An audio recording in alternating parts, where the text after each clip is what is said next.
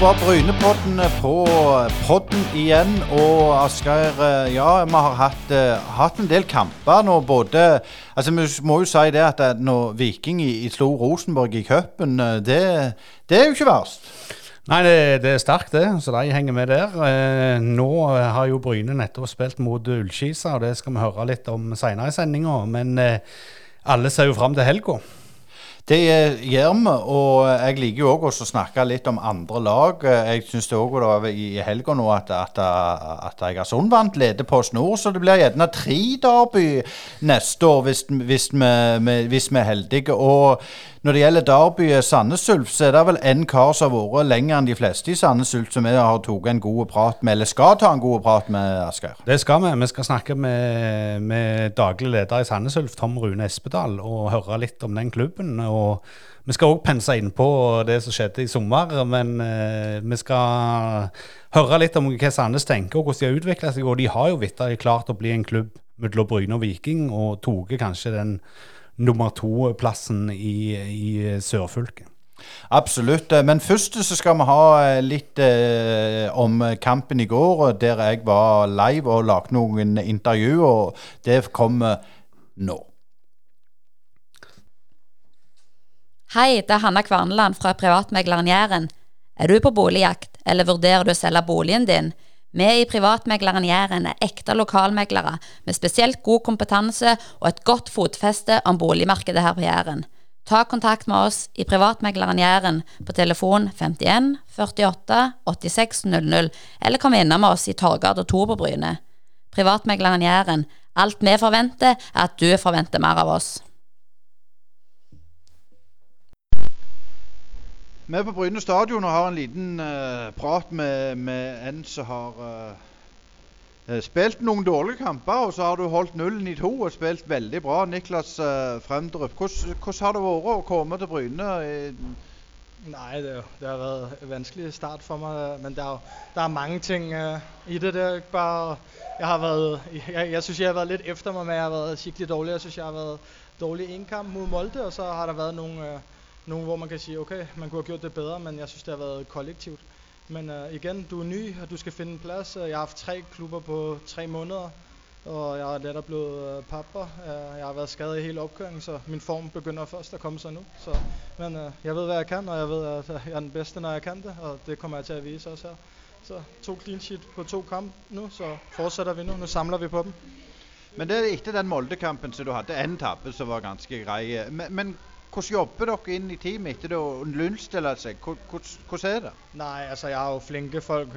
Jan snakker mye med meg, Even og Thomas, Uh, keepertræner. Så har jeg jo uh, Igor og Sondre, uh, hvor vi snakker om tingene og pusher næste dag på træning. Så det er sånn, du må jo bare nullstille. Du kan jo ikke gjøre noe med det jo, men det var en kedelig etappe mot Molde, fordi jeg synes, vi hadde skikkelig tak på dem.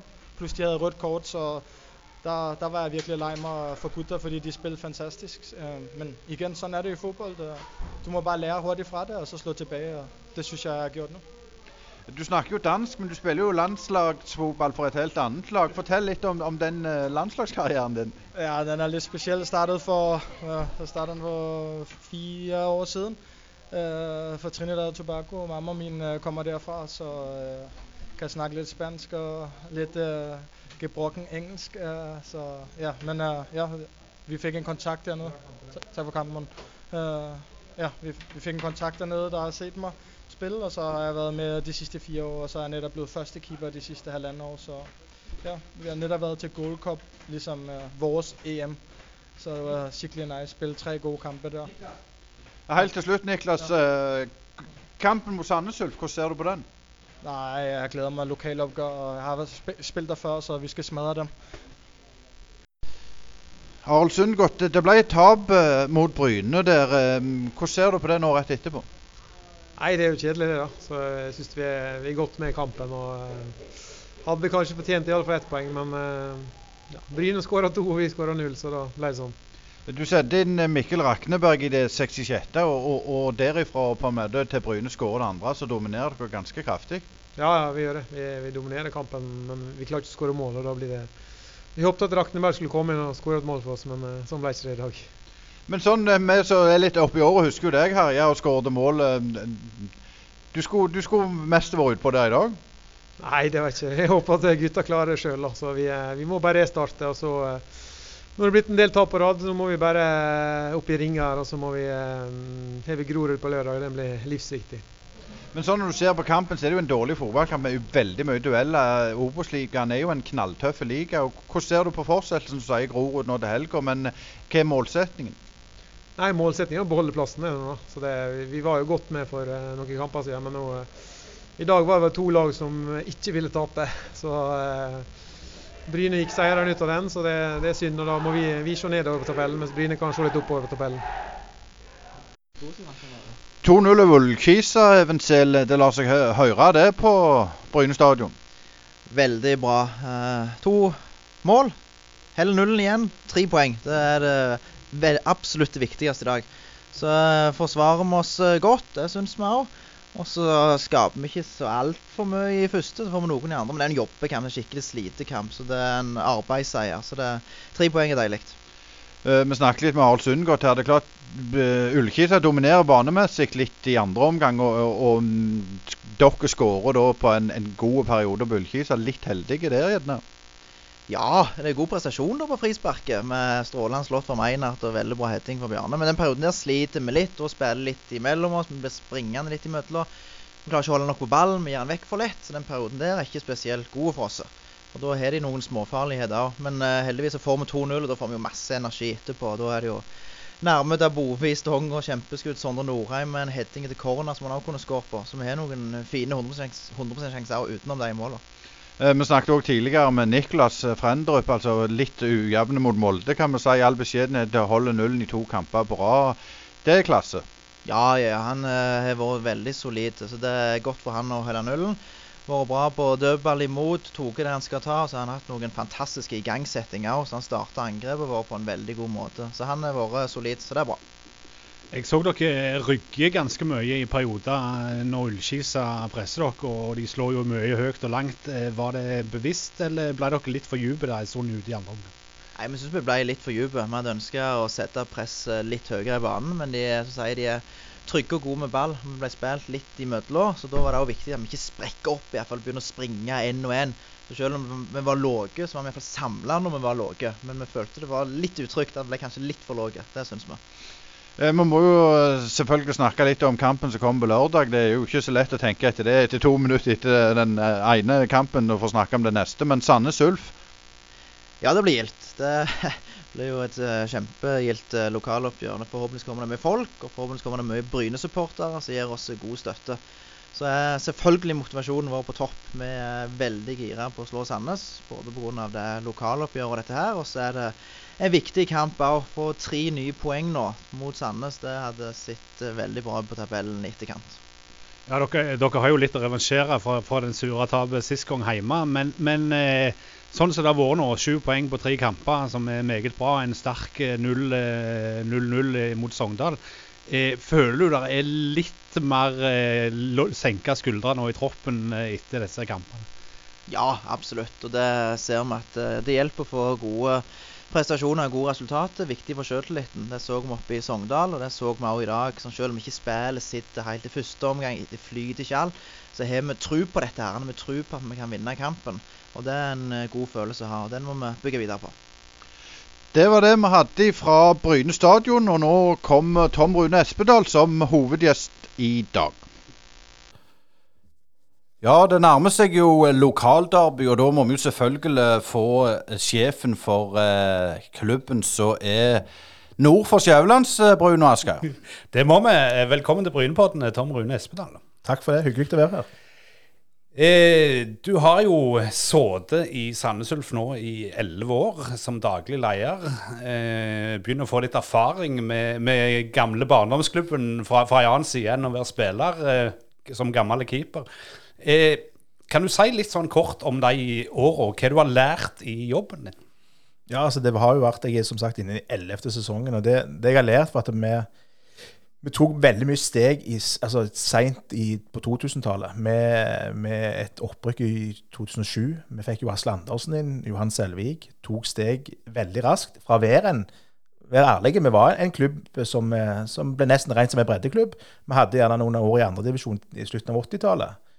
Eh, fikk en rask si, leksjon i å komme tilbake igjen. Eh, Rykka opp i 2008 og gikk på en kjempesmell økonomisk. Rykka ned igjen i, i 2009, og da måtte vi på en måte nullstille alt igjen. Så da gikk vi gjennom en tøff kur der. Og så feide vi jo gjennom andredivisjon igjen og rykte opp i Adeccoligaen i 2010. Så da på en måte hadde vi allerede fått en del si, kunnskap om økonomi og økonomistyring. For det er viktig i fotball. Og det er det, det, er det mange som får sånn krasjkurs i. Men så var jo 2010-sesongen òg tøff. For da, da, hadde vi kjempeutfordringer og endte jo faktisk på nedrykk.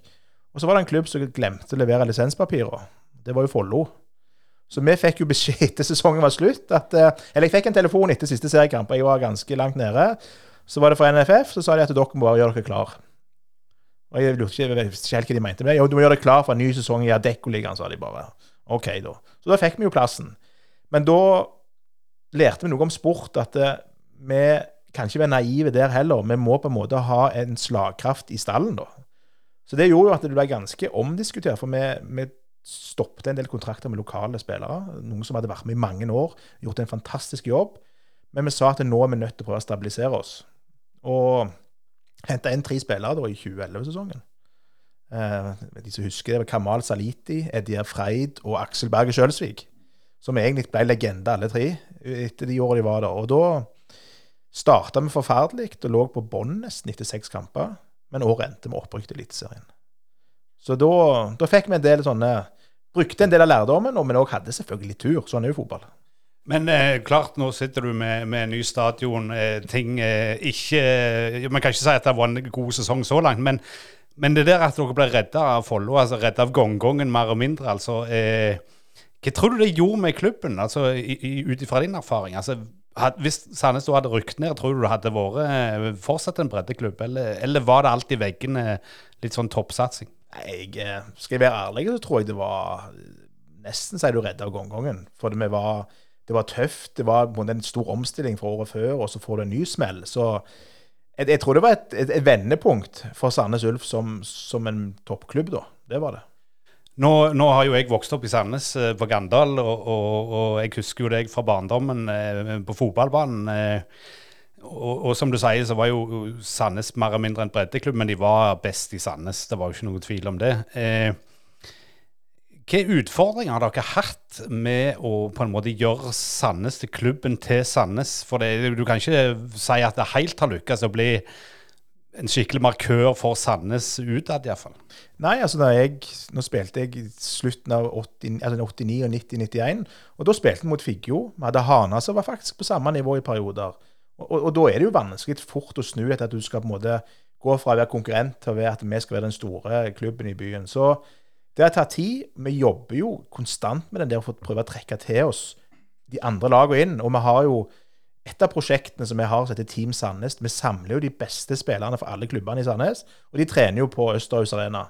Og der har vi bylag, så vi prøver å bygge en, en, si, en, en tilhørighet. Men, men, at jobben er gjort, det er han langt ifra. Vi vi kjemper en kamp på det hele veien for å få bygge Sandnes Ulf som laget for byen.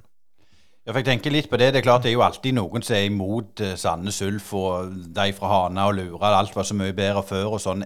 De stemmene der, føler du at de er høyere nå eller lavere, eller på samme nivå som de alltid har vært? Kan jeg si at det er veldig resultatorientert? For når det går veldig bra, så hører vi nesten ingenting. Men, men det skal ikke mange kamper vi skal tape, eller et par dårlige prestasjoner, så begynner noen å dra fram historien. Men igjen, fotball det er følelser, fotball er meninger. Men det ligger jo noe bak dette her, og det, er jo det vi prøver å jobbe med. At vi må jobbe hardt for, for å vise at vi er verdige tilliten i Sandnes. Men jeg tror jobben kommer til å ta mange, mange år til.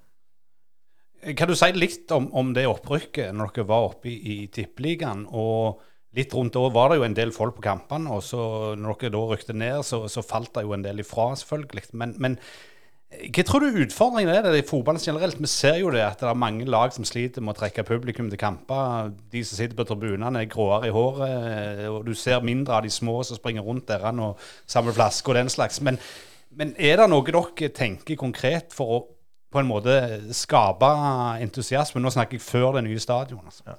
Altså, Vi så jo når vi rykte opp, som du sier, da fikk vi jo en kjempeboost. De siste kampene, i, når det betydde noe òg i Adeccoligaen som dette den gang, så var vi 2500. Så lenge det, det var en, en, betydning av kampen. Og det første året i Eliteserien så hadde vi et snitt på 4003. Det var ganske fullt på stadion. Når vi hadde toppkamp mot Viking, så var det over 6000. Den husker jo alle, for da var det ingen som så kampen. Det var jo det var toga, og så kjørte vi bluss i tillegg, så det var jo en kjempeidé den gangen. å bare toglegge alt. Men vi så jo at det, når alle hadde sett Rosenborg en gang, de hadde sett Molde hadde vært på stadion, så var det ikke så spennende år etterpå. Så det Jeg tror, jeg tror folk, jeg tror tilskuerne er litt sånn de, de, er godt vant. Og det er jo fordi at vi ser på TV. Vi har en TV-avtale i Norge som egentlig er fotball hele veien. Og i tillegg så har du Premier League. Så, så produktet vårt blir utfordra på alle kanter. Og det merker vi òg nå. Og, og, det så vi òg med, med stadion, at den, det er òg tøft for oss nå. Men som norsk fotball, tror du de har på en måte sovet litt i timen der? At de mener på en måte fotballproduktet er godt nok? Ja, til en viss grad syns jeg vi har sovna litt i timen. Eh, og det tror jeg mange nå kjenner på. Og spesielt nå etter covid. Altså, Vi trodde jo at alle skulle strømme til stadion. Det stemmer jo ikke. Folk og det, Vi kan se på oss sjøl òg. Vi får fort nye vaner. Og det tror jeg har skjedd nå òg. At vi har ikke gått på stadion, de fleste. De har sett den på TV. Og det er jo greit å sitte hjemme og se den på TV fortsatt. Så vi må tenke hvordan vi skal få folk tilbake igjen og skape en opplevelse at du går sammen med noen på kamp, og at det er en opplevelse på stadion. Eh, og der mener jo vi vi har alle de verktøy skal til med en ny arena, med de fasilitetene. Men det sportslige produktet må jo henge òg med, og der har vi slitt i år. Ny arena eh, står jo fin og, og flott. Jeg, jeg, jeg, har ikke vært inne på arenaen, men jeg var, så, så, en G12-kamp for ikke så lenge siden så, så, så, dere spilte, eller Ulf spilte. Og, og det ser jo unektelig eh, ut som en praktfull stadion. Men, men, altså, kan du si litt om den prosessen? Du var jo tungt involvert i den, og kanskje gikk det på bekostning av sporten noen ganger. men eh, Si litt om den der stadionprosessen. Hva, hva var tanken bak der? Tanken var jo det første gang vi rykte opp fra Rekkoligaen, så har dette med lisenskrav. Det, det, var det første som løfta stadiondiskusjonen. Så gikk det noen år, og så begynte vi å ha noen møter med kommunen i 2009. Eh, men da gikk det seint. Og så fikk vi opprykk i 2011. Da ble det aktualisert igjen. Og da satte vi trykk på dette her. Og vi hadde ei gruppe sammen med, med kommunen, og det, og det er nøkkelen. Vi jobbet sammen med kommunen og begynte fort å planlegge hvordan skal vi gjøre det, økonomi og plassering. Eh, og så så vi når vi var i Eliteserien at vi kan aldri bli en eliteserieklubb over tid hvis vi er på Sandnes stadion, den gamle. Så det òg ga oss et lite sånn spark bak. at vi, Skal vi være her over tid, eller komme og etablere oss en gang, så må vi ha et anlegg som har en kommersiell og kall det interessant for spillere og publikum å være på. Så jeg jobbet jo fra meg og NT i styret, vi jobbet jo fra 2011 fram til første spadetak i juli, juni, slutten av juni 2018. Og det var en fryktelig prosess, det må jeg bare innrømme. når jeg ser på. Vi sto i det, det er jeg glad for nå, men vi møtte mye motstand. Naboer, politisk, ja, myndighets... altså det var, det var, så mye som ble inn i denne prosessen. Og det eneste vi ville, det var å bygge en stadion for byen. Skape opplevelser at unger og voksne skal få lov å spille fotball og oppleve det. Men eh, jeg følte jeg var, vi var den store, stygge ulven mange ganger. Nå, nå, eh, Som Sandnesbu så, så, så har jo eh, Stangeland Trones eh, vært kjent for å være sånn Porsche i Sandnes. Eh, kontra, kontra andre deler av byen. Men, men altså eh, Vi har snakket litt om dette her med dugnadsånd, og, og alle av oss har vært på dugnad når vi var yngre. og sånn, Men hvordan ligger det an i Sandnes? Er det vanskelig å få folk å være med på dugnad? Altså, Dere eh, kunne ikke nyte godt av det som de gjorde på Nærbø, f.eks. når de brukte Nyloen. Altså, hvordan, hvordan var den prosessen? Eh, dugnad for oss i det prosjektet var folk som bidro i, i plan og i jobb med kommunen mange som brukte mange timer i Kall det papir- og tankearbeid. Men det var ingen som var med og hadde gravemaskiner. For det, det, er ikke så veldig mange av det på Stangeland. Gravemaskiner. Men for, for vi var veldig tydelige på at vi setter den jobben ut til proffene. Så skal vi sørge for å få penger og gjøre dette på en god måte. Så, så dugnadsarbeid i Sandnes Ulf, det var hjernekapasiteten eh, og på en måte kunnskapen. Men så er folk flinke å være med på kamper som vakter, kiosk. Så det er veldig bra faktisk dugnadsånd i Sandnes. Men det du sa det med, med tankearbeid og sånn, og, og, du var vanskelig tidlig i prosessen med, med politikere og sånn det er klart, For meg som står utdannet, så ser det ut som at nå er, jo, nå er de jo voldsomt med. Ja, altså vi, det tok noen år for å komme der, men eh, de er med, og vi har både ordfører, varaordfører nå og de kaller posisjonen og opposisjonen, de, de er på kamper fra de ulike partiene. Så det er litt sånn Kanskje det, skal du gå først og på en måte dra noe i en by. Det det, det er ikke bare bare å stikke hodet sitt fram i Sandnes heller, selv om vi skal være en storby, kaller vi oss. Så, så tar det tid. Og vi er veldig stolte nå. Og jeg er sikker på at byen kommer til å få masse nytte for denne stadion. og Den har allerede vært brukt til en konsert, og vi har lyst til å gjøre mer av sånne ting. Så det skal være en møteplass. Nå er jo Norge åpna opp igjen, iallfall for, foreløpig. Men, men eh, dere skulle jo åpne opp stadion, planene var lagt. Eh, effekten av å ha noe nytt og spennende, og så plutselig bom, så kommer covid. Altså, Hvordan var det for dere inne på brakka da? Oh, det var surrealistisk. For vi, vi hadde en planlagt kamp mot Viking. Den var utsolgt. Vi hadde brukt ganske mye tid på det for å selge inn det budskapet. Og så fikk vi telefon fra kommuneoverlegen, som vi nesten altså, alle hadde hørt om før. Han, eller smittevernsoverlegen, som han kalte seg da. At han ville snakke om denne kampen. Eh, og vi hadde møter, og, og, da kom folk hjem fra Østerrike, husker jeg, fra tur, og hadde med seg dette her greiene. Og så 12. mars så stoppet jo alt, og vi skulle ha kampen 13. mars. Så da gikk vi fra å ha en kjempeåpning med utsolgt stadion, og vi skulle skape masse engasjement, til at vi stengte ned, og de fleste ble permittert i løpet av mars-april. Og det var vel meg og han som var økonomisjef satt igjen på 50% stilling på et helt tomt stadion. Det var jeg tenkte på det når vi, når vi hadde det tøft politisk, og de diskusjonene når vi satt der, da, så vi mørkt på det noen uker. Det kan jeg innrømme. Men tror du akkurat den liksom litt kall det depressive perioden, har, har, det på en måte blitt overført litt til det sportslige? Tror du det kan ha en sammenheng? Altså, jeg hadde jo håpet kanskje det var motsatt, at vi skulle få motivasjon av det. Men eh, når det gjelder sport, så er det så mye som påvirker. Om det kanskje påvirket i fjor, men jeg tror ikke det har påvirket så mye i år, da. Men det var tøft å starte opp igjen i fjor etter vi hadde vært nedstengt og opp. og Da, da hadde vi òg varierende resultat. Så gjerne i fjor så kan det ha vært en, litt av grunnen til at vi har slitt litt. Eh, litt mer om, om stadion. Jeg har jo vært på, på stadion opptil flere ganger. Du er en fantastisk eh, intim og, og, og en nydelig stadion, det må, må, sies. Eh, det er klart det er jo Østerhus Arena, og, og går du på bygda så, så, sier du ja det er lett for dere i Sandnes, for dere har en stor sponsor som hjelper. Hvor mye, mye var han Østerhus med i denne prosessen rundt bygging og, og, og finansiering og sånn? Er det noe med noe veldig, veldig, lite akkurat i byggeprosjektet og finansieringen. Det var det er ikke lettere for oss enn andre å få sponsorer penger. Det, da, da, jeg, jeg, skjønner kanskje at noen tror det, men eh, det er faktisk at vi må jobbe like hardt som alle andre. Men Østerhus fikk faktisk jobb på Østerhus. De, de leverte betongarbeid, så de var òg en leverandør til oss. Så de har faktisk tjent penger på, bygge, på dette byggeriet. Um, så de kom inn ganske Njål og Cato kom inn ganske seint og sa at dette, denne stadion må ha et fint navn. Og da ringte jo noen og sa nå han burde jo hete Østerhus Arena, og da, gikk det fort.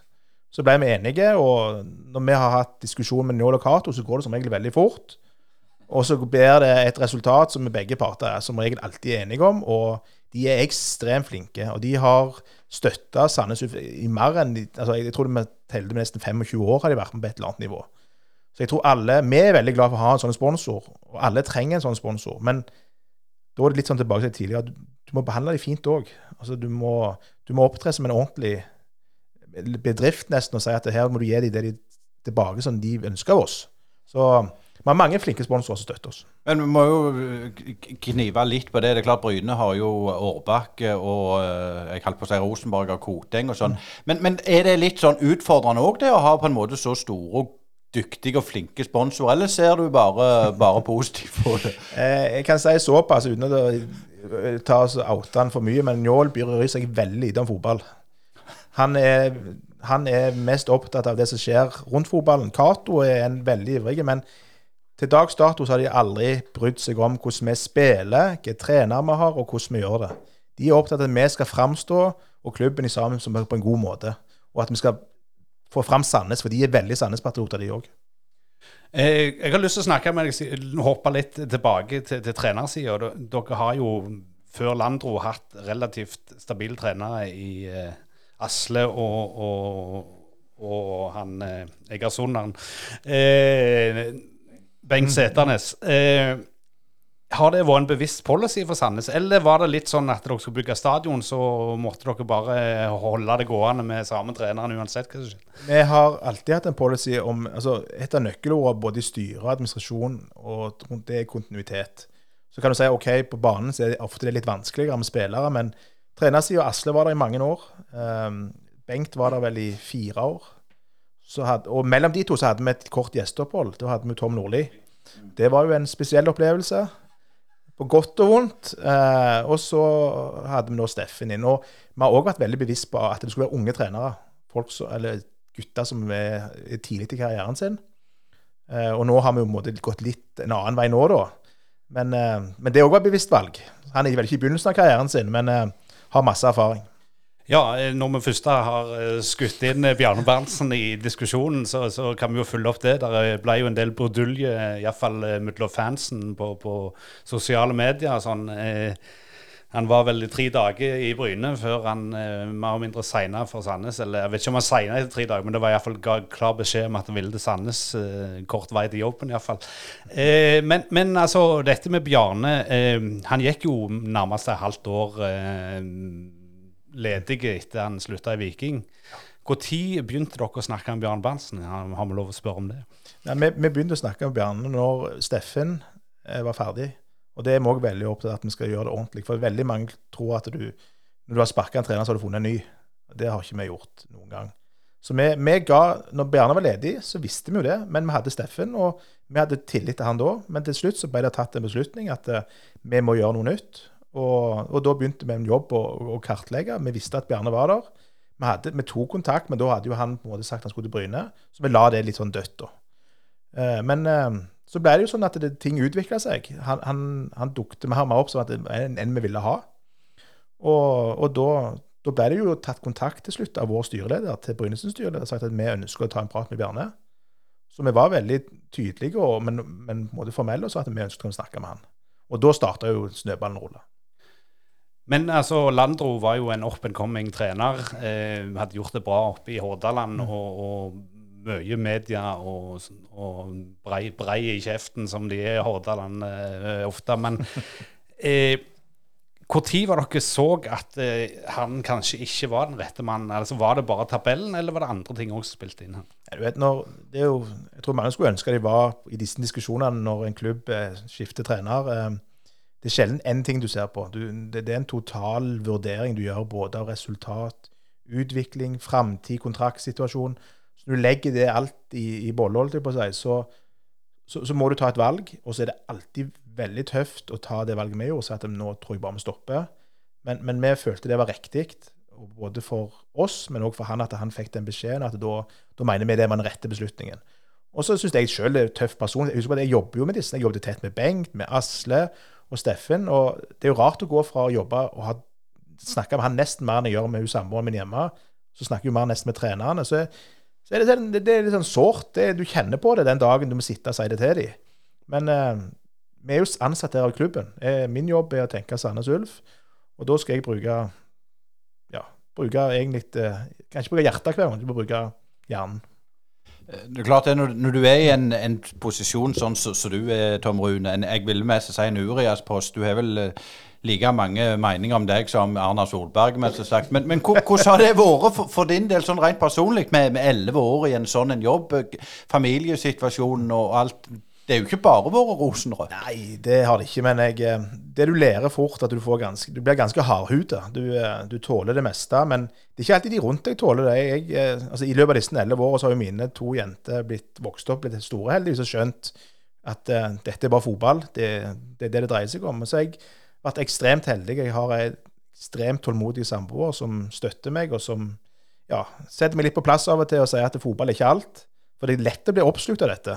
Og, og, det er en jobb som mange har meninger, og jeg, jeg må jo si i perioder jeg blir jo, blir jo ganske matt av hva folk kan lire ut av seg, og spesielt på, på sosiale medier, for de hadde aldri turt å si de tingene direkte til meg. Og det opplever jo mange som sikkert skriver meninger. Når jeg spør dem om noe, så er det sjelden at det er så sterke meninger som det er på, på sosiale medier. Det er den store forskjellen på de elleve åra, hvordan det har utvikla seg.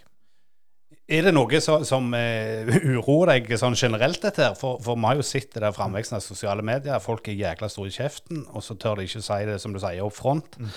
Men allikevel så er det der ute for de som vil finne det. Uh, er det er det noe som, som, som fotballen generelt tror du sliter med dette? At du har sånne forstå-seg-på-ere som, som, som mener alt om, om alt? Det, det, det, det er litt sånn tosidig det. For at vi lever jo av engasjement. Vi lever av at folk skal bry seg. For den dagen folk er likegyldige, så har ikke jeg en jobb lenger. Hvis jeg setter det helt på spissen. Så, så du må tåle det. Men, men jeg mener vi må, vi må kunne sette en grense. Hvor langt det skal gå. Hvor langt den personhetsen og eh, Hva skal jeg kalle det? Denne her eh, usakligheten. Vi tåler alt om hva jobb vi gjør. og det jeg, jeg har dårlige dager på jobb som alle andre, og det er alle i fotballen. Vi, vi, er, vi gjør feil valg, og det sier jeg internt. det sier Jeg ut, jeg gjør masse feil, men vi gjør jo dette her med hjertet for klubben og for å utvikle oss for, for byen vår. så de vi gjør det for, Men da er det gjerne greit av og til at vi, noen kanskje burde tatt ett pust ekstra i magen før de skrev. Det har jeg tenkt mange ganger. Men, men er det vanskelig å kommunisere ut hva dere driver med, hva dere tenker? Altså, Det går sikkert an å lese sportsplanen deres, som, som de fleste har mulighet for å laste den ned. Men, men altså, det er jo ikke mange som tar seg tid til å lese gjennom sportsplanen. Men altså, som daglig leder er det vært vanskelig å kommunisere utad hva dere tenker, og iallfall hvis du skal tenke litt langsiktig, for fotballfansen vil ofte ha den instant coffee, at det skal virke med en gang. Liksom. Ja, du er inne på et veldig viktig punkt. For at, uh, vi får ofte gjerne bare et par linjer i Aftenbladet eller Sandnesposten. Det, det er veldig sånn tabloidisert. Uh, skal vi stå og presentere Hvis jeg hadde invitert folk til å komme og lese, være med og gå gjennom sportsplanen, så tror jeg det hadde vært fem mann på stadion på et møte. Så det, jeg tror ikke det hadde vært så grassat spennende. Så, og heller, Jeg kan heller ikke skrive på sosiale medier, for det har jeg prøvd. Men jeg gjorde et forsøk for et par år siden, og det, det endte jo bare i katastrofe. For det var jo bare ild på bålet. Eller det ble skikkelig ild på det bålet, for å si det sånn. Med folk som da skulle fortelle hvor håpløse vi var. Og det, det er jo bare et forsøk, da. Men, men alle klubber prøver å være, åpne seg opp og være på en måte tilgjengelige. Men som alltid i livet, det er gjerne noen få som ødelegger for de fleste andre som har lyst til å få dette til og ha, ha det gøy med fotball. Men tror du òg det kan ha litt det vi diskuterer nå, sammenheng med at det er færre og færre på stadion akkurat det? At de ser liksom at det er Bermen som får uttale seg, og at det er de som på en måte vet, vet best? Ja, jeg, jeg skal være forsiktig. Jeg, jeg, har ikke, tror ikke, jeg har ikke noen sånn statistikk på hvem som går, men kanskje at noen, noen syns det er litt ugreit å være en del av sånne ting. Men eh, jeg opplever også, altså det er viktig å understreke, jeg opplever de fleste som positive. Altså det, jeg, det, det, det samme tror jeg når det er politikk og andre deler av samfunnet. Så er det noen som drar det litt for langt.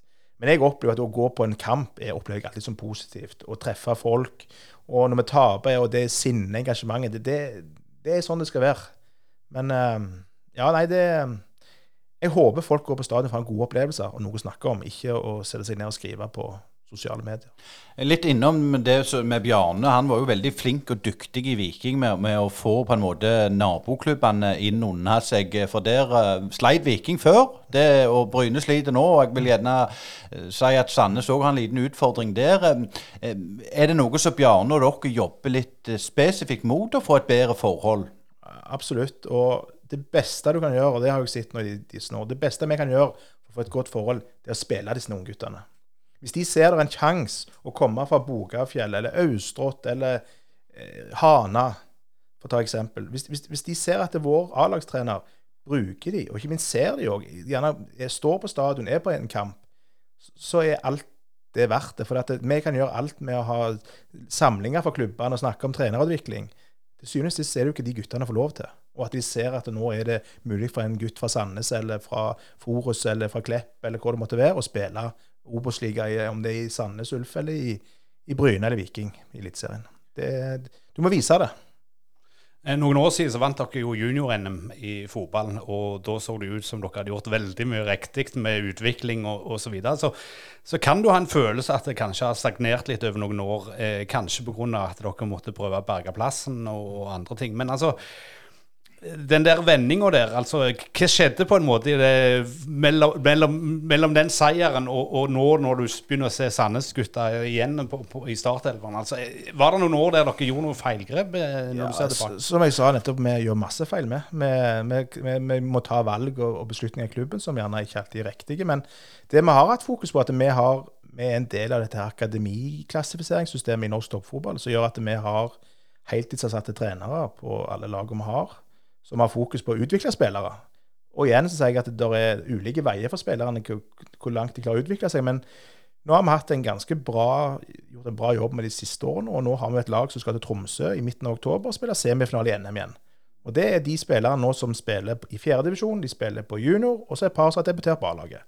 Så det, jeg tror også fotball går litt i sykluser da. Det, det, du, du får sånne nedganger i enkelte årskull, og så opp. Men, men, er det en utfordring at uh, Sandnes ikke har eksempel nok tredjedivisjonslag, og, og dere selv ligger fjerde med to lag? Altså, du får jo ikke akkurat matche deg. eh, Det, er lang vei fra, fra fjerdedivisjon til, til Obos. Det er noe vi har satt på en måte agendaen lenge. Vi skulle gjerne ønske det var et annendivisjonslag i Sandnes. Iallfall et tredje. Nå leder jo vi fjerde. Eh, vi, vi håper at vi drar det helt inn, men vi skulle gjerne ønske det var en bydelsklubb som tok den rollen. Ikke at vi må gjøre det, men fotball har vært spesielt de siste to åra, da. Så det er nok det òg litt som spiller inn. Men eh, ja, jeg håper det kommer noen lag opp. Det gjør jeg. Ja, ja, nå ble jeg litt ut, datt jeg litt ut av, skal jeg. Skal, vi ikke, skal du ta mer nå, eller skal Ja, ja, Jeg ble så engasjert i samtalen. Jeg, Nei, men altså, det, det jeg lurer litt på, er, er jo òg Dere har jo et skille mellom topp og bredde, som, som eh, kanskje var litt upopulært hos noen eh, og, og andre. Men hva var tanken bak eh, den vrien der? Ja, det henger jo sammen med Det er to ting. Det er jo for det første når vi bygger en ny stadion til 200 millioner, så har du lyst til å skjerme den økonomiske risikoen mot breddefotballen, som er på en måte historien og der som der du vet at du skal, en, guttene og jentene skal alltid ha en plass å gå og trene. Så hvis den andre toppen hadde ødelagt det, da, så skal det på en måte være skjerma. Det var den ene motivasjonen. Den andre var òg at eh, vi tror, eller vi, klubben mener vel at det beste er at de som driver med bredde, skal bli veldig flinke på breddefotball. Og de som driver med toppfotball, skal bli veldig flinke på toppfotball. For jeg har jo vært med nå i noen år og har sett at det er ekstremt krevende å tenke fra Jeg, jeg hadde jo ansvar fra gutter fem, de nye som kom inn hvert år, frem opp til A-lag og skulle forhandle kontrakt med eliteseriespillere. Det er ganske krevende, og det sliter ut alle. Så det ble gjort fordi vi skal ha fokus på det vi skal være flinke på. Og toppfotball skal på en måte være i toppen. Altså, vi, vi har, altså, jeg sier det litt sånn flåsete, men jeg mener vi har ikke bygd Østerås Arena for å havne på tolvteplass i Obos-ligaen. Økonomien alt henger ikke sammen da. Vi er nødt til å levere bra prestasjoner i Obos-ligaen òg, for å kunne at dette skal være et bra prosjekt. Så det er grunnen. Vi skal være flinke på det og ha fokus på det vi skal gjøre. Men Kan du si litt om, om hvor den delinga går for folk som hører på, og eh, den akademimodellen dere kjører? Altså Delinga for oss går at vi, Sandnes Ulf, da, den kalde klubben, da, eh, har lag opp til 15 år. Så er det sånn at Sandnes Ulf toppfotball har 16-årslag, de har et 19-årslag, og så har vi et fjerdedivisjonslag og A-laget. I tillegg så har vi dette Team Sandnes som et sånn byprosjekt. Så Det betyr at når du en ung gutt i Sandnes, eh, han går da, når han kommer inn når han er fem år, og så hvis han gjør det veldig bra og vil satse, så går han opp til han er 15, og så vil han bli plukket opp av toppfotballen han er 16 år. Så det er på en måte veien du kan gå. Eh, og for at vi skal ha en kvalitet på dette og gjøre det skikkelig, som er del av denne her såkalte akademiklassifiseringen, som er en, en måte å jobbe på. Altså Det er en slags kvalitetssikring av det arbeidet vi gjør. Og den sier også hvor mange stillinger du skal ha. Vi må f.eks. ha en utviklingssjef som er ansvarlig for alt arbeid med utvikling. Og så må du ha heltidsansatte trenere på lagene. Og så må du ha et samarbeid med skoler. Vi har samarbeid med Vang, vi har samarbeid med Sandnes videregående.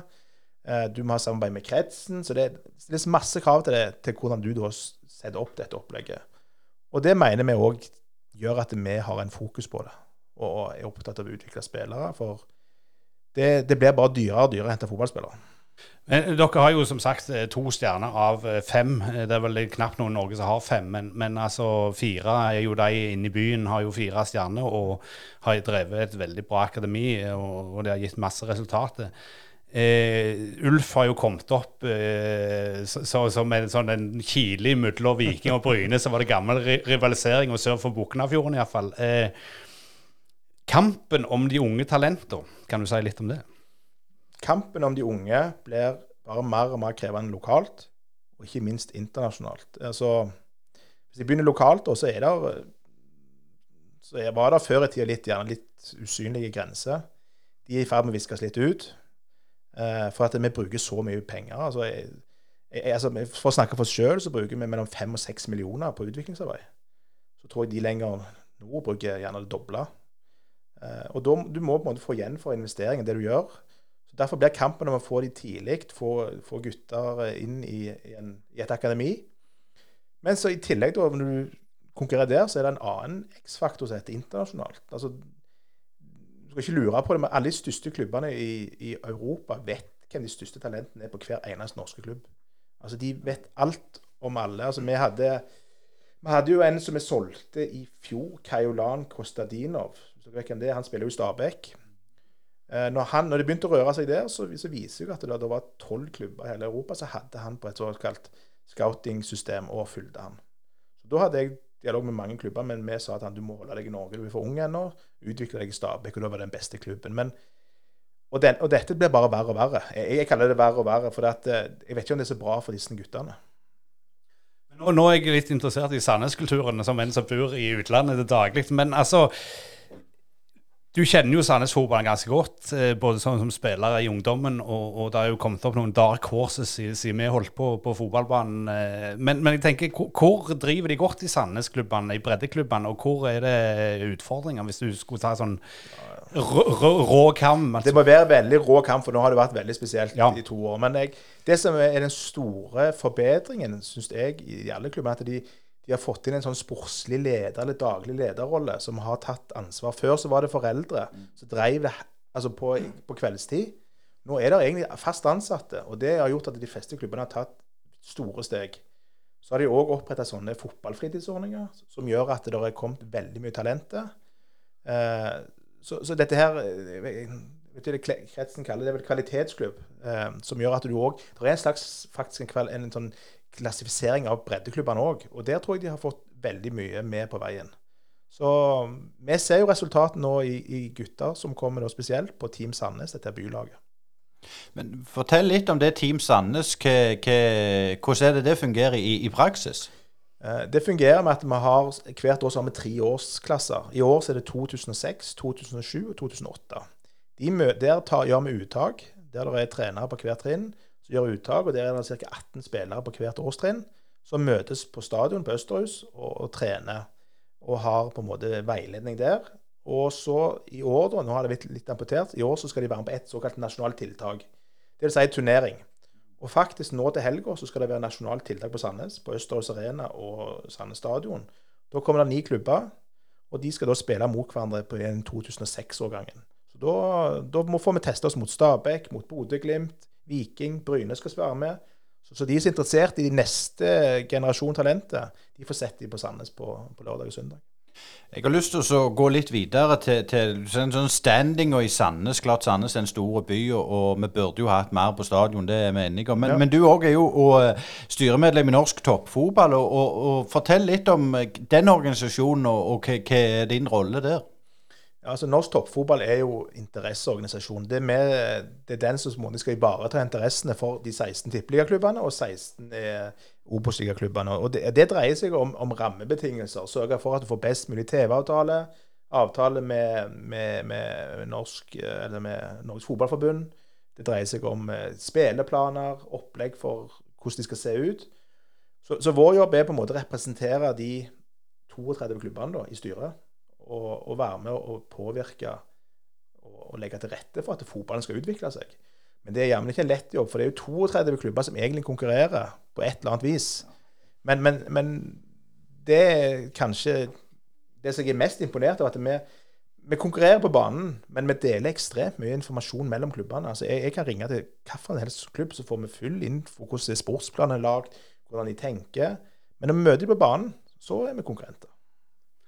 Men er det, er skjedd noe i norsk fotball på de åra som, som du har vært involvert i, i toppfotballen? Altså, jeg tenker på nivået. Norge vet jo det landslaget har jo ikke vært med i noen turnering siden 2000. Det er lenge siden et norsk lag har spilt i Champions League. Nå hadde vi jo et lite eh, sprint i Europacupen med Molde her for, for et par år siden. Det var det i fjor. Men, men altså, generelt sett kan vi jo si at i forhold til de andre nasjonene som er på vår størrelse, så, så er norsk fotball litt dårligere enn det kanskje, iallfall på, på papiret. Men hva tanker gjør du deg om sånne ting? Nei, det, det, jeg tror ikke du bommer ikke så mye på det, de uttalelsene der. Eh, Fotballen, Det som kjennetegner fotballen, har skjedd, er at det har kommet bare ekstremt mye penger inn i det. Altså, Vi, vi sliter jo å slå et, et, et land som lag fra Aserbajdsjan i, i, eh, eller i, Europacup. Men det, husk på de er jo de er økonomisk dopa. Og, og spørsmålet ønsker vi en sånn fotball i Norge. Det er at det, vi driver nesten med økonomisk doping. Så det, det er ikke alltid konkurransen er fair, da. Altså, det er ikke alltid det er fair play, rett og slett. Men, eh, men fotball i Norge har jo tatt steg med den, den, den generasjonen som er på landslaget nå. Det, det ser jo mer lovende ut på lenge, men vi har vært i en bølgedal. Og, og, og det, vi har på en måte syntes litt synd på oss sjøl, tror jeg òg, at alle de andre har så mye penger. Vi kommer aldri til å nå opp der. Men jeg tror det har vært fokus mer nå på utvikling av talenter og spillere, og så har vi faktisk tatt noen steg. Men jeg tror alle norsk fotball tar igjen de store uansett, for gapet er for stort. Vi må finne vår posisjon. Har en henta litt for mange utdannede altså når, når en hadde mulighet? altså TV-avtalen gjorde at det kom mer penger inn i klubbene, men han var litt for ivrig til å hente de nest beste ute, og så ryker vårt egne talent i, i startelveren? Ja, det, det er ulike meninger om det, men TV-avtalen helt klart ga en boost inn i Norge òg, med penger. Eh, men nå, nå, er det mye mer fokusert hvordan vi bruker de pengene. De går ikke rett til spillerlønninger som de gjerne gjorde de første to åra. Nå brukes det penger på utvikling. Det, brukes, det settes av 35 millioner til, til akademiklassifisering som, som, går til klubbene ut ifra hvor mange stjerner du har. Så vi får faktisk en sum med penger ut ifra hvor mange stjerner du har. Og de pengene kan ikke jeg bruke til lønnen til en spiller. De skal til, til utviklingsarbeidet. Så det har gjort prioriteringer som jeg tror er riktige. Men eh, avstanden opp er, er, tøff fortsatt. Men eh, vi gir oss jo ikke. Eh, når det gjelder den økonomiske situasjonen i, i Sandnes Ulf og, og Sandnes Ulf toppfotball, hvordan ser du hvor, for å si sånn, hvor skadeskutt er klubben blitt eh, pga. covid? Um, det, det, en fotballklubb Hvis du tenker hvordan inntektene kom inn, så er det på en måte tre, tre føtter som jeg sier vi står på. Det er sponsor. De har vært ekstremt lojale. De har holdt alle avtaler. Vi har ikke tapt noen ting. Eh, det er medieavtalen. De kommer uansett. Det har vi plassering. Der har vi fått en litt skudd for baugen i fjor. Og det siste punktet er publikum. Og det kan dere bare tenke dere hvordan det regnestykket ser ut. Det er fryktelig. Men disse her støtteordningene i fjor gjorde at vi landa på beina, skal jeg si det sånn, da. Men det var så vidt. Eh, så alt det som er på en måte det som skal gjøre det ekstra for klubben, med publikum, kiosken og alt det der, det har vært katastrofe. Folk går ikke i kiosken. De har ikke ikke møtt på stadion. Vi, vi, vi, fant ut at vi må bare gi folk sesongkort i år. Siden de var så snille og møtte opp i fjor, så overførte vi bare sesongkort og sa at dette er gesten. Dere fikk ikke se alle kampene. Men vi kan jo ikke gjøre det mer. Du kan ikke gi vekk sesongkortene dine mer. Så det, det, har vært tøft. Og jeg, jeg tror sånn som prognosene ser ut ut året, så, så, så, er det tøft. Men vi, vi, lander igjen. Vi har en tendens i Sandnes til å lande på beina. Mange tror at det alltid skal gå gale. men vi har flinke folk og sponsorer og samarbeidspartnere som alltid stiller opp. og Det, det er derfor vi er der med. Men klart, Det er jo tøft å drive sånn, men det er jo i alt næringsliv. så Det er jo ikke bare fotballen. Det er spesielt. Men, men litt sånn den personlige Tom Rune, når han vet at han nå ser det litt stygt ut i november f.eks. Er det noe du har levd med, dette her? Jeg har levd med det i ti år. For likviditet er et problem hvert år. Ja. Eh, første året så sov jeg ikke. Det er sånn, altså Du tar det med deg hjem. altså Det tror jeg om du er fotballklubb eller daglig leder i en, en mindre bedrift. Hvis du, hvis du, sitter i september og vet at jeg har faktisk ikke mer penger til lønn Det har jeg sittet i. Jeg klarer ikke å lønne det ut året. Hva skal jeg gjøre? Men da er det en ting Enten så kan du gå i kjelleren, eller så må du faktisk dra inn alle gode krefter som er rundt klubben og i rundt klubben, og så løser vi det. Men, men du må vise, som jeg sa tidligere, at du må opptre ordentlig. Hvis du ett år velger ikke være ordentlig, så får du ikke hjelp seinere. Det er det det dreier seg om. Altså, du, du, er nødt til å tenke sport og alt som skjer på banen, men du må ikke glemme at du, du har et ansvar om å drive, drive en ren og god butikk bak. Og Det har vært min kjepphest. og Derfor mange syns at vi er litt kjedelige. Så er derfor ikke Sandnes Ulf litt mer frampå. Men det er iallfall min måte. Så kan det godt være en ny daglig leder Ulf i Sandnes Ulf gjør noe annet, men det har vært mitt mantra at vi skal levere på begge arenaene her. Ja, men Bare skyte inn før Asker slipper til. Når du har vært i elleve år, er, det sånn kan, Eller sånn dumt spørsmål. Eh, hvorfor gidder du? Er det, er det noe, du, noe, du, noe, du, brenner for? Er det noe du føler deg uoppgjort? Hadde jeg ikke brent for dette, så hadde jeg jo slutta for lenge siden. For det, det, det, er det ønsket om å Når jeg begynte, så var vi som dere sa, vi, var vel noen Bryne og Viking. Folk i Sandnes heia. Det irriterte meg. Folk reiste andre plasser for å se fotball. og jeg hadde lyst til å være med og bygge noe for egen by. Skape stolthet. Så, det, så når vi fikk opprykk i 2011, da Det gjør jo noe med deg. Og da vil du iallfall gi deg når det er tøft, når, når, verden stenges ned. og Kanskje jeg burde gitt meg når stadion var klar, men, men, nå skjedde det jo ting. Så da, står jeg i det. Og, og så lenge jeg syns det er gøy og har motivasjon, og hun hjemme tilgir meg for alt tid jeg er vekke og alt frustrasjon, så, så går det greit. Men, men Østerhus Arena jo, står jo i all sin prakt eh, der oppe. og, og hvordan jobber dere for å prøve å fylle den stadion? For det var jo det som var målet når dere bygde den, selvfølgelig. Altså, Dere henger jo etter, det er jo, det er jo et faktum, og det henger jo alle klubber mer eller mindre etter i Norge i dag med, med å fylle stadionene. Det er veldig få unntak, som eh, kanskje de galne i Bergen og sånn, men Ålesund og HamKam har vel nok folk. Men, men det der å bikke den der faste kjernen på 3000-4000, altså Hva tenker du om det der? Jeg tenker at det er en veldig vanskelig jobb. Eh, krevende. Eh, punkt én, vi må levere bedre på banen. Det, det, det, du kommer aldri unna det. Altså, alle undersøkelsene vi opp gjennom året har gjort i fotballen, punkt én er levere spennende ting på fotballbanen. Det, hvis ikke, så kommer ikke folk. Eh, så er det engasjere, sørge for at det blir en møteplass. Altså, vi må først få våre egne altså i, i, klubben. Det er ikke alle i klubben som går på kamp engang. Altså, vi må, vi må bygge opp eh, lojalitet internt i klubben. Så må vi bevege oss videre ut mot byen og samarbeidsklubbene. Så det, du må starte hos deg sjøl, og så må du skape det engasjementet og jobbe deg ut. Og vi gjør masse aktiviteter. Vi reiser på skoler, vi reiser i barnehager, vi er på treninger rundt omkring. Men det må henge sammen. Det må, det må være noe interessant å komme. og da Mot Bryne nå skal vi jo ha kamp, og da, det, da har vi aktiviteter før kamp. Men det er jo ikke interessant hvis ikke det på banen heller henger sammen med dette her. Så det er en vanskelig øvelse som jeg hvert år sitter med og klør oss i hodet. Hva er det som skal gjøre til? Og de fleste klubber sliter med akkurat dette. Ja, Vi må jo selvfølgelig innom kampen som er nå på lørdag eh, mot Bryne. og jeg har jo du snakker om sove dårlig. Jeg har jo tenkt dette at det, nå kan jo de lokale lagene ødelegge for hverandre, faktisk. Eh, hvordan Altså, Jeg vet du vil svare nei, men ønsker du egentlig Bryne ned? Veldig godt spørsmål. Så jeg får ofte, og det er veldig tydelig på at jeg ønsker ikke Bryne ned. For det at, eh, når du driver med fotball, så ønsker du å ha noen kamper som betyr noe. Og jeg syns det er kjekt med lokaloppgjør. Jeg, jeg, må jo jeg, jeg, fikk jo oppleve det mot Viking òg. Det, no, ærlig, det var noe annet enn Eliteserien. Da var det jo 16 000 på Viking stadion, det var 6000. Men det, det, betyr egentlig ikke for Det er den følelsen, den rivaliseringa. Det skaper mer tilskuere.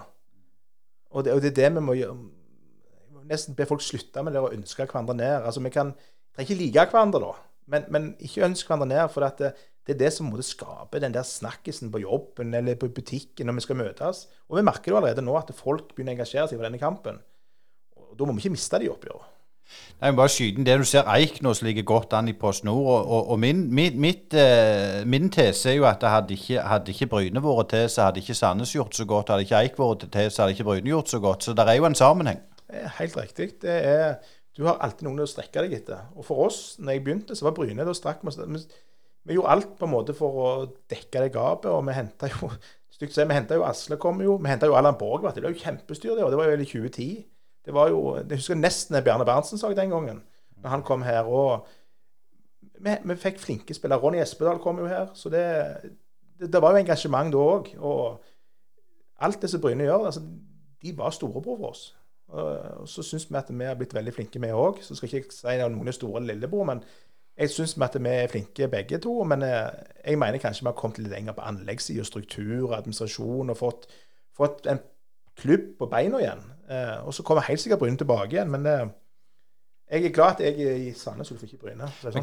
Du må si, si det at vi kan vel, kan vel trygt si at de går vel lenger på, på, på anleggssida. ja, og, og, strukturen kanskje òg. Men, men der har jeg lyst til å spørre deg litt nå til, til, mot slutten, Tom Rune. at Dere har jo klart å fylle et gap der som oppsto. Kan du si litt om den prosessen, og, og hva tankene var? Altså Var det en tanke at dere skulle bli bedre enn Bryne? Og, og, og, på en måte For Viking er jo vi må innrømme et, et, et enda større gap å nå opp der som de er. Men, men, altså, var det noe som dere jobbet bevisst med å bli den nummer to-klubben sør for, for Buknafjorden? Ja, jeg, når jeg kom inn, så var jo da var det jo Rune Bertelsen var der, som de som husker han. Han er i Viking nå. Uh, Asle Andersen var der jo. Du hadde Johan Selvik. Alle disse hadde jo et sterkt dreiv om å bli gode og, og ta steg. og det, det er jo det vi bygde, bygde, videre på. Og de gjorde en veldig god jobb i det. og Vi så jo etter at her er det en mulighet. Men, men, men, vi må utvikle vår klubb på vår måte. og det var, Da så vi mot Bryne, vi så mot Viking, og så at, sier, at veien opp til Viking er jo enorm.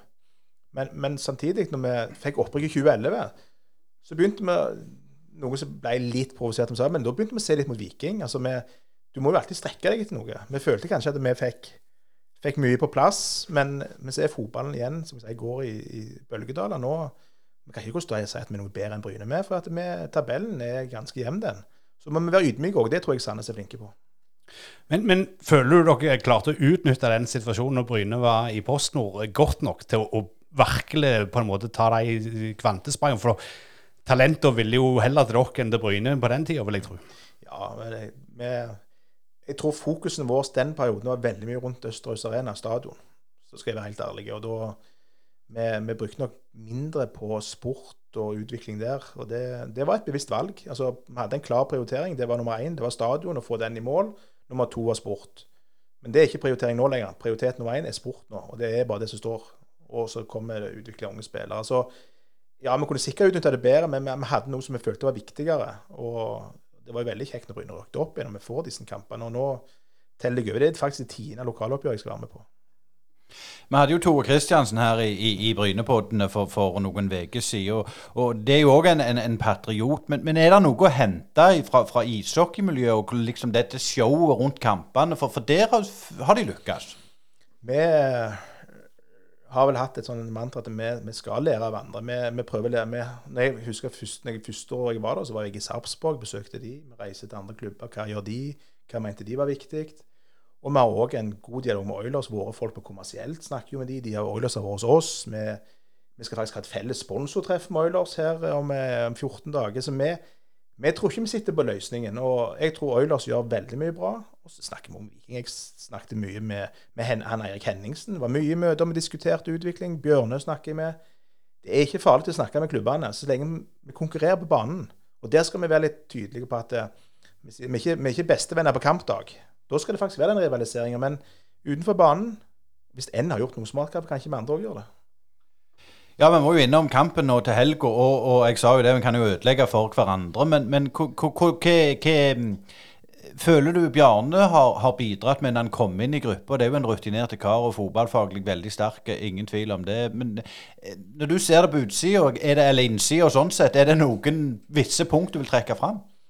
Ja, hvis du tenker før Bjarne, så slapp vi inn fryktelig mye mål. Altså Det var jo en av problemene vi hadde. Vi har, vi har tetta igjen bak. Han har fokus på trygghet på, på det defensive, men han har òg tatt tak i dette her med trykk i spillet, dette med å ha en, pondus framover. Men òg slippe til de unge. altså Ha en konkurransesituasjon som er litt større nå. Konkurransesituasjonen var ikke så stor tidligere. Selv om det var bytter, så, så har vi fått flere spillere som melder seg på. Så han, han, har jo bidratt med den tryggheten, da. Det er jo det som er typisk Bjarne. At han Om vi har fem mann ute om så var, så stresser ikke han seg. Men vi har jo noen gutter, da, sier han. Men dere har jo vært nokså klare. altså Steffen Landro var ekstremt klare her at dere skulle rykke opp i år. og Det kommer jo ikke til å skje uh, uansett. altså, men, men, hvor mye tid har dere, holdt jeg på å si? Og er det lurt å gå ut og si for en sesong at dere skal rykke opp? Blir ikke det litt sånn der, at da skal iallfall alle slå dere? Jo, men det er jo litt sånn i fotball. Men det er jo ikke lov å si mye i fotballen før du blir på en måte takla i knehøyde, for å si det, si det, rett ut. Men av og til, men, tenk hvis alle lag skal si at vi kjemper om en topp fem. Det blir jo litt kjedelig. Så var vi tøffe i trynet, for å si det på godt sanesisk, i, i, år. Men vi mente vi hadde godt nok lag til det. Og så viser jeg at vi var ikke gode nok. Så må vi faktisk måtte bare nullstille da. Og så er jobben vår faktisk i år å sanke nok poeng, skal vi være helt ærlige. Nå, nå må vi ha fokus på den plassen i Obos-ligaen. Men så kommer det en ny sesong, og så skal vi planlegge. og Vi har ikke ansatt Bjarne og administrasjon og stadion for at vi skal ligge igjen på tolvteplass. Vi har jo lyst til å, som jeg har sagt, i vår klubb så har vi lyst til å kjempe om opprykk hver oppi der. Men om vi skal si direkte opprykk neste år Jeg har ikke tenkt så langt. Men eh, vi syns det var jækla kjekt iallfall når vi var i Eliteserien sist gang. Så vi har lyst til å komme tilbake igjen. Dere har jo skiftet ut ganske mye spillere de to siste sesongene. Eh, og, og, noen vil hevde at det ikke er lurt å skifte en elver hvert år. Eh, hvordan tenker du det framover? Ja, nå går vi inn i en ny sesong der fem stykk av 20 har utgående kontrakt. Så vi har en bra kontinuitet på den sida der. Og så har vi tatt opp noen, ja, to juniorspillere som har fått proffkontrakt. Og jeg ser ikke for det blir det store utskiftninger, men noen av de med utgående går nok ut. Men eh, det blir ikke elleve med nye. Det blir det ikke. Eh, hvordan går kampen nå på lørdag, tror du? Godt spørsmål. Jeg, eh, jeg tror det blir en jevn kamp. Jeg tror det blir litt sånn som på Bryne. Jeg, jeg håper bare litt i andre bein hvem som har initiativ i spillet. Men jeg tror det blir dueller. Det blir eh, det blir mye kraft og det blir mye lange pasninger, tror jeg, i perioder. Det er to lag som spiller veldig tydelig på sin måte. Eh, men som alltid så, så er jeg optimist og sier at vi kommer til å vinne 2-1. Det er jo eh, greit og optimistisk, og du, det er vel pro programforplikta til å si det òg. Men, men eh, jeg har lyst til å spørre deg litt nå, for både Bryne og, og Ulf ligger jo der med ett poeng eh, forskjell. Kamp nå, nå, på onsdag i går. Men, men når eh, kan du senke skuldrene og vite at dette ikke er noe problem? Hvor mange poeng trenger, trenger dere for, for, for, å være sikre at det blir eh, videre spill. Jeg fikk meldinger, for vi har masse ivrige supportere. Han mente vi skulle ha 34 poeng, så kunne vi slappe av og begynne å tenke på neste år. Og Det er kanskje ikke så dumt tips. Da, da ser det relativt greit ut. Ja, vi må jo, må jo ta litt sånn eh, til slutt eh, ambisjonene til Sandnes Ulf. Hvis vi ser fem år fram i tid er det tenk... Altså, da liksom, Vi snakker alltid om 10 og 5 og 15 års planer. Er det Europa som er målet? Altså, Vi må ha noen litt sånne hårete mål her. Ja, når, jeg, nå må han nettopp forsvart og sagt at vi skulle rykke opp, og ikke klart det, så skal jeg være litt forsiktig. Men uh, jeg, jeg, kan vel si såpass at det jeg sa at vi har lyst til å kjempe om å være på det øverste nivået. Vi liker jo veldig godt Sogndal med, litt sånn hvordan de tenker. Du har du skal kjempe om opprykket, men du skal òg tåle å rykke ned igjen. Eh, jeg, jeg, mener det er en, en, en fornuftig idé. Så at vi, vi kjemper i toppen, at Sandnes skal være eh, i, i løpet av neste tiårsperioden, så skal vi ha vært noen år i Eliteserien, så skal vi tåle å rykke ned og opp igjen. Der er vi. Jeg tror ikke vi skal tenke Europacup ennå. Det, det får neste daglig leder ta, ta seg av når han kommer. Siste spørsmål. Du har sittet i elleve sesonger, eh, Tom Rune. En, en, dag så går du kanskje og finner på noe annet, men, men hvor lenge blir du sittende foreløpig? Godt spørsmål som jeg tenker mye på sjøl òg, og får spørsmål om av flere. Men jeg, jeg sa vel tidlig at så lenge jeg føler jeg har motivasjonen og støtten til det For det, det, det er ikke en selvfølge at jeg sitter i jobben. Vi har et styre som jeg må rapportere til, og som måtte sette rammer og, og de lange linjene. Så lenge de er fornøyd, og jeg kjenner motivasjonen, og jeg har noen hjemme som syns det er greit, jeg bruker tida på dette, så fortsetter jeg. Tusen hjertelig takk, Tom Rune Espedal, for du tok deg tid til Brynepoddene. Bare hyggelig. Hei, det er Hanna Kvarneland fra Privatmegleren Jæren. Er du på boligjakt, eller vurderer du å selge boligen din? Vi i Privatmegleren Jæren er ekte lokalmeglere med spesielt god kompetanse og et godt fotfeste om boligmarkedet her på Jæren. Ta kontakt med oss i Privatmegleren Jæren på telefon 51 48 86 00, eller kom innom oss i Torgata 2 på Bryne. Privatmegleren Jæren. Alt vi forventer, er at du forventer mer av oss. Brynepoddene de går mot slutten, og tusen hjertelig takk for du stilte opp og hørte på. Og Asgeir, en god time med Tom Rune der. Det var interessant å høre en ydmyk og reflektert daglig leder, selvfølgelig. Men, men um, Sandnes de blir å, å regne med framover? Ja, det, det, ser sånn ut. De har jo fasiliteten i orden, og de har fått på plass en, en fantastisk stadion som vi skal reise på på lørdag og se derbyet. Eh, det er litt annerledes enn sånn det ser ut på Bryne, men de har jo gått gjennom opp- og nedturer, de òg, som alle andre. Og jeg syns vi fikk en interessant liten time med Tom Rune. Absolutt. og Hvis vi skal evaluere litt det som, gikk gjennom, så det som jeg beit merke i, det er jo at uh, de sto han av, selv om det har vært tøffe tider med dette stadion. De ga seg ikke. De holdt jo på i fem, seks, sju år før de realiserte. Det, det, det er vel noe som andre klubber kan ta, ta lærdom av? Eh, klart er det. Eh, de fikk ting på plass, og, stadion står nå der. Eh, det er jo selvfølgelig veldig synd at han ikke fikk, ble brukt det første halvannet året pga. covid på en skikkelig måte. Eh, der har nok Sandnes en liten utfordring framover med å, å, hanke inn de folka som de kanskje kunne fått med seg i starten når det var nytt og ferskt, men når det går et år, halvannet før en virkelig kan ta stadion i bruk, så så er det en utfordring å få folk eh, på stadion. Det er jo noe som alle klubber sliter med for tida. Og det har skjedd noe der i norsk fotball som jeg ikke helt liker. At folk eh, stiller ikke opp lenger. og Folk bør virkelig finne fram til å støtte sitt lokallag, uansett i landet hvor de måtte høre til. Men, men Asker, skal vi komme med en brannfakkel? Bryne sliter med, med en, en nedslitt stadion. Eh, Tror du de skulle flytte sør for, nei, nord for Skjævlandsbuen og spe, spilt kampene der? Ja, Det er noe som jeg har begynt å tenke på i det siste, om det hadde vært en mulig løsning, iallfall eh, midlertidig, eh, til, til en eventuelt har en Bryne, ny Bryne stadion på plass. Det er klart det koster penger å bygge en stadion. Viking var ekstremt heldige når de bygde når de bygde, for de fikk det ut ifra den tida relativt rimelig. Eh, Det har verken Ulf eller, eller eller Bryne, hvis de får en ny stadion, kunnet kunne leve med at de har fått en sånn billig stadion. Eh, og så gjelder det da at alle stadioner skal jo òg finansieres, så det er jo noen eh, tanker der òg hva en skal gjøre. Eh, hva, hva passer antall publikum. Sånn som det ser ut per nå, så, så virker det ikke som nye stadioner en får 5000 til å gå på kamp, eh, uansett omtrent hvor du er. Gode tanker der, Asker. Og til deg som hørte på, tusen hjertelig takk. Og vi er klar selvfølgelig med nye pod den neste torsdag. Følg oss på sosiale medier. Det setter vi pris på. Twitter, Facebook, Instagram og YouTube. Og så kommer noen reaksjoner i ekstrasending etter derbyet på lørdag, selvsagt.